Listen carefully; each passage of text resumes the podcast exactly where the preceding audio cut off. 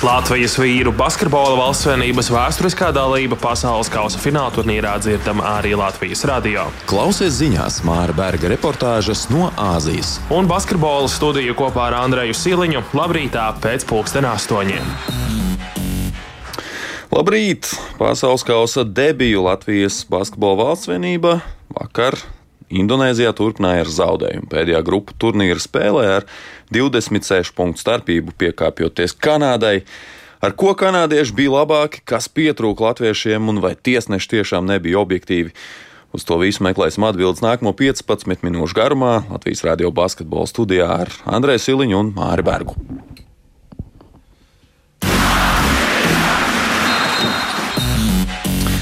Labrīt, Māri! Labrīt, Andrei, labrīt arī klausītāji. Nu, šorīt debesis Latvijā raud un dusmojas par Latvijas zaudējumu. Kā šai laikā, ko tu esi pavadījis Džakartā, tur ir bijis ar laikapstākļiem? Laikapstākļi vairāk vai mazāk ir bijuši identiski katru dienu. Rīts sākas saulaini, pusdienlaikā nedaudz apmācas, paliek mākoņaināks un pēcpusdienā atkal skaidrāks paliek, bet lietus nevienu dienu šeit nav bijis. Labi, ķeramies pie spēlēm. Latvijas eh, spēles plāns vakardienas mačā pret, eh, pret Kanādu šķiet bija labi novērojams jau no paša sākuma. Mēs aizsardzībā nu, savilkāmies un koncentrējāmies uz sodu laukumu. Un, un pie aizsegiem mm, gājām pa apakšu un tādējādi nu, tā teikt, teicām kanādiešiem, labāk metiet no distances, nekā, nekā izmantojiet savu atletismu, pārākumu un pārspēku, dodoties tuvāk grozam. Nu, izskatījās, ka Kanāda tam nebija īsti gatava un jau otrajā spēles minūtē pieprasīja pārtraukumu. Arī pēc tā pārtraukuma aina īpaši laukumā nemainījās. Latvija turpināja palielināt pārsvaru. Vienu brīdi, pirmās ceturtdaļas beigās, bija pat 11 punktu pārsvars. Kā tev izskatījās, kas bija Latvijas sekmīgā spēles sākuma pamatā? Nu jā, tas tās lietas jau, ko tu minēji, Latvija pietiekami labi piespieda kanādiešus mēs no distances, un ir skaidrs, ka šādā spēlē kanādieši pārmātāt Latviju no tālmetiena līnijas īsti nespēs, taču tas pamats jau bija tas, ka Latvijai metieni krita, un kanādieši absolūti neko nespēja iemest. Viņi meta garām sodiņus, meta garām tālmetienus, viņiem bumba nekrita grozā, un uh, daļai tas bija mūsu pašu nopelns, daļai kanādieši vienkārši paši meta garām uh, brīvus metienus metienus. Bet, nu, jā, kā redzējām spēles turpinājumā, kad mūsējiem kritās precizitāte un kanādiešiem tā uzlabojās, tad, protams, sākās ļoti ātri problēmas.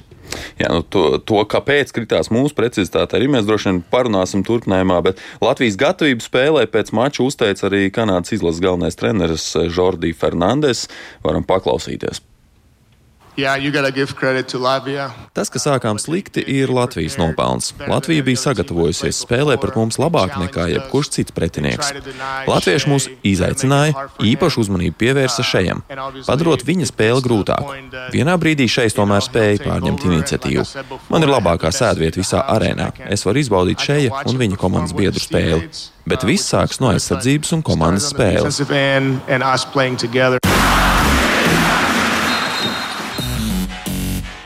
Nu, Kanādas treneris eh, patiesībā jau no paša pirmā komandas treniņa gatavošanās posmā arī publiski ir uzsvēris, ka atšķirību šajā turnīrā veidos darbība aizsardzībā. Un, Māri, vai tieši aizsardzība bija tas, kas mainījās Kanādas spēlē? Es gribētu teikt, ka līdz ar otro ceturdaļu. Um, teiksim tā, nu manā, manā skatījumā Kanāda sāk spēlēt ar lielāku enerģiju, jo viņi gan iesildīšanās laikā, gan arī pirmajā ceturdaļā vēl tādi aizmiguši izskatījās, tā kā ar vienu kāju gribētu spēlēt. Uh, īsti nebija ieradušies uz spēli viņas mača sākumā, bet uh, pamazām uh, iesila sāka kāpināt apgriezienus. Nu, otrajā ceturdaļā, jā, Kanāda jau sāka spēlēt būtiski agresīvāk aizsardzībā, un, protams, otrajā puslaikā viņi ieslēdza jau šosejas ātrumus, un nu, tur jau pavisam pavisam traki mūsējiem gāja, bet uh, otrais puslaiks, protams, Kanādas izpildījumā bija ļoti pārliecinoši, bet pareizi saki, to arī paši spēlētāji atzīmēja, ka otrajā ceturtaļā sākās tas lūzums spēlē, un trešajā ceturtaļā spēle pavisam salūza. Jā, nu tas, tas, ko es novēroju un redzēju, kanādieši tos mūsu spēlētājus, kas ir ar bumbu, sāka izspiest tā, laist trīs punktu līnijas, un mēs tur likām aizsagas un spēlējām tā saucamās divu vīru sadarbības, ja pick and rolls. 8-9 metru attālumā no groza un, un netikām pat līdz sodu laukumam. Līdz ar to arī pazuda tā nu, mūsu iepriekš tik labi strādājusi bumbas kustība. Jo tās dažas reizes, kad mums savukārt tas izdevās, un mēs tikām līdz soda laukumam, tad arī lielākoties izdevās tikt līdz, līdz metienam vai līdz labam metienam. Cita lieta par, par protams, realizāciju. Vēl viens spēles elements, kas piekliboja, bija cīņa par atlikušajām bumbām. Kanāda izcīnīja 19, eh, par 19 bumbām vairāk un kopumā 17 bumbas uzbrukumā. Nu, tas nozīmē, ka 17 reizes pēc garām aizmestiem metieniem viņi tika pie otrajām iespējām uzreiz turpināt uzbrukumu un likt eh, turpināt strādāt aizsardzībā Latvijai. Mūsu garākais vīrs Andrzejs Pasečnieks laukumā tā arī netika. Kā tev šķiet, vai viņš tomēr nebūtu noderējis pie, pie šāda rakstura problēmām? Šis ir labs jautājums, un tas uh, tika arī uzdots komandas galvenajam trenerim Lukam Bankī pēc spēles preses konferencē. Un uh, treneris teica, ka Andžeja atstāšana malā ir saistīta ar kādiem taktiskiem apsvērumiem. Uh, neliekuļosim, zinām, ka Andžejam ir arī veselības problēmas, kas viņam liedz spēlēt tik daudz, cik viņš pats gribētu, un droši vien arī neļauj spēlēt tik kvalitatīvi, kā viņš pats gribētu. Protams, neviens jau šobrīd nestāstīs, kādi tad bija šie taktiskie apsvērumi vai kāda ir šī problēma tieši ar veselību, bet uh, varbūt vajadzēja, varbūt nevajadzēja. Nu, ko nu vairs? Nu, 26 punktu zaudējums. Um, diez vai Andrzejs kaut ko būtu kardināli mainījis, jo kanādiešu atletiskums tomēr izpaudās uh, pārlecot mūsējos ar fizisku spēli, izspiežot kaut kur ārā. Mm, treneru izvēle beigu beigās. Nu, par to vienmēr var uzdot jautājumus, kas bija pareizi vai nepareizi. Šis ir tas, tas brīdis, kad varam teikt, pēc kā arī jau visi gudri. Jā, par to fiziskumu runājot, nu viena lieta ir skatīties spēli pārēdē televīzijā. Cita lieta ir redzēt to klātienē, un tu klātienē, protams, redzēji gan šo spēli, gan spēli pret Franciju, kas arī augumā ir liela komanda un, un tika raksturot vienmēr kā fiziska komanda. Nu, noraksturot tās atšķirības, varbūt kā kā atšķīrās šī fizikalitāte, ko piedāvāja Francija un ko Kanāda. Jā, nu tieši tā kā tu saki, Francija ir augumā liela komanda, tur ir masīvi spēlētāji. Kanādieši varbūt nav tik lieli, tik masīvi, bet viņi ir ļoti fiziski spēcīgi, ļoti atletiski. Un, nu, to arī redzējām, piemēram, kāds tika izdarīts spiediens uz spēlētājiem, kas vadīja bumbu. Dilons Bruks ļoti agresīvi sēdza Artūru Žagaru. Viņš arī ātri sakrāja piezīmes, taču kanādieši bija ļoti cieši pie mūsu spēlētājiem. Viņi tika līdzi cauri visiem aizsegiem un, attiecīgi, radīja ļoti daudz dažādu problēmu un visas šīs mazās kontakta epizodes un visas pārējās mazās lietas, kas paliek arī bieži, bieži vien neredzamas, tas atņem ļoti daudz enerģijas.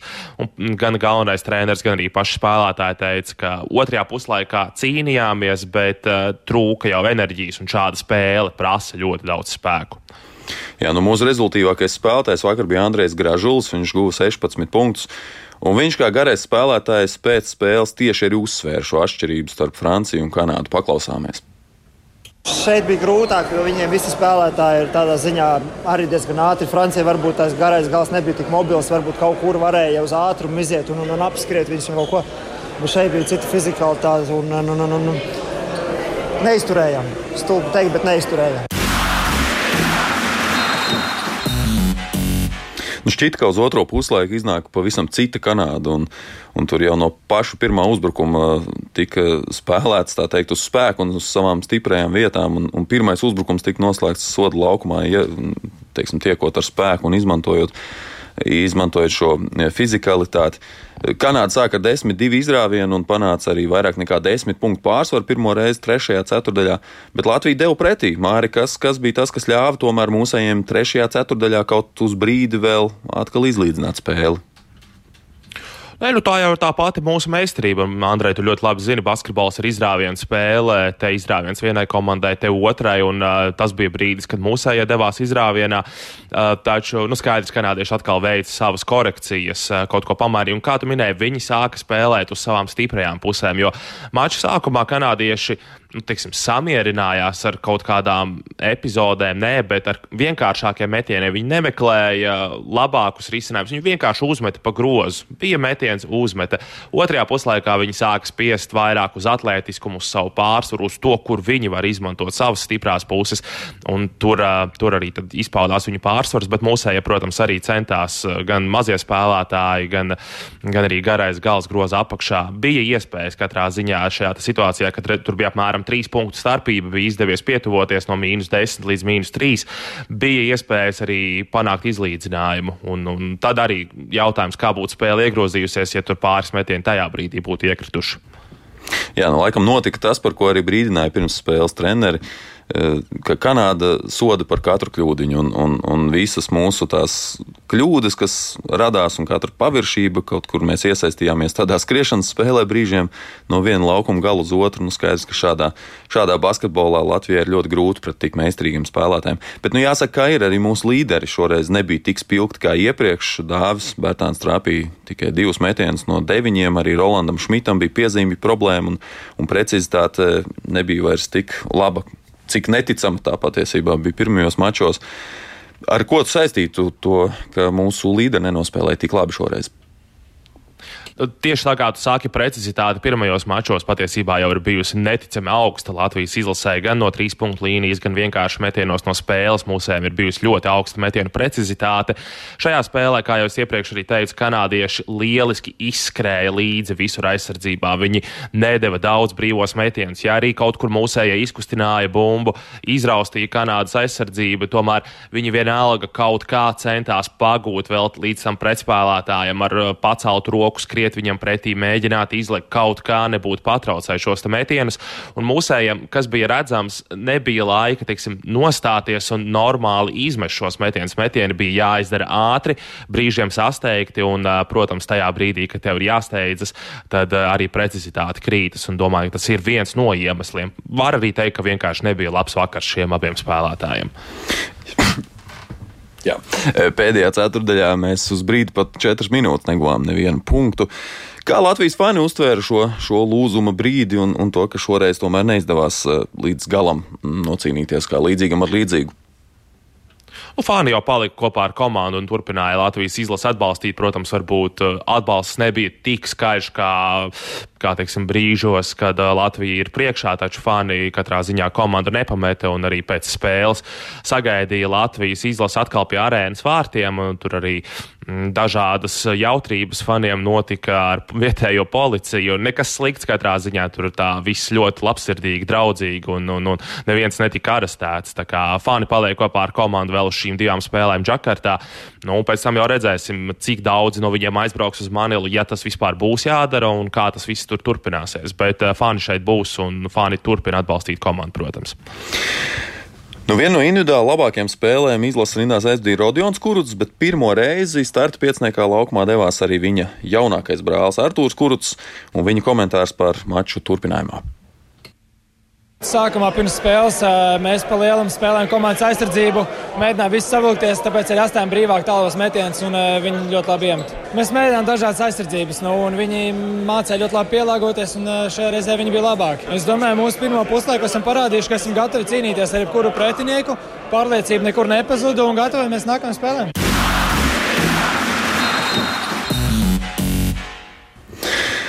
Nu, ja par personālajām vēl, tad, tad pirmajā puslaikā lieliski spēlēja Arthurs Žagars, un viņš visus savus 11 punktus samet jau pirmajā spēles cēlienā. Tad, kad es spēles laikā kol, kolēģiem no Kanādas atgādināju, ka viņš joprojām ir brīvais aģents, viņi tagad puspa jokam teica, lai viņš nu, mēģina vismaz uh, tikt pie treniņu nometnes līguma Nacionālajā basketbola asociācijā. Kā tavuprāt, uh, savas akcijas darba tirgū šī pasaules kaujas laikā būs pacēlis Artūrs? Varbūt tu esi dzirdējis kādas runas par klubiem vai vismaz to līmeni, kurā viņš ir raisījis interesi.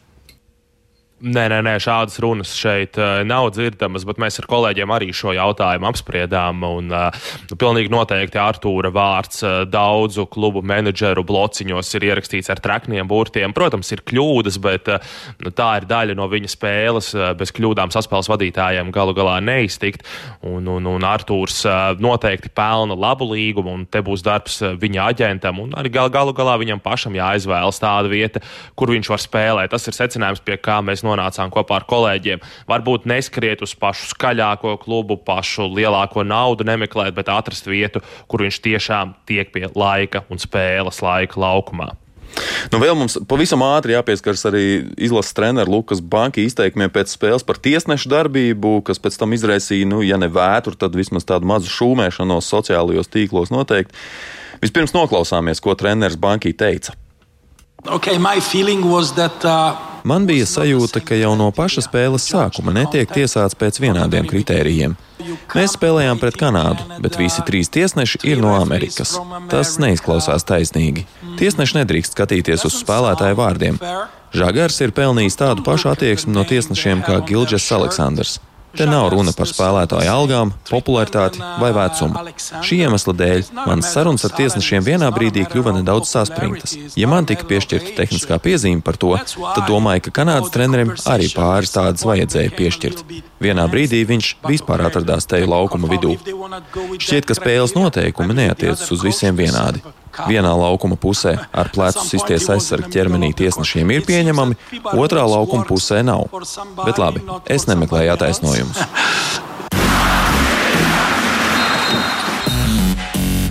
Nu, tagad uz mirklī aizmirstam, ka esam latvieši un mēģinam paskatīties objektīvi, kā tev izskatījās, vai tiesneši tiešām pārāk respektēja Kanādas superzvaigznes.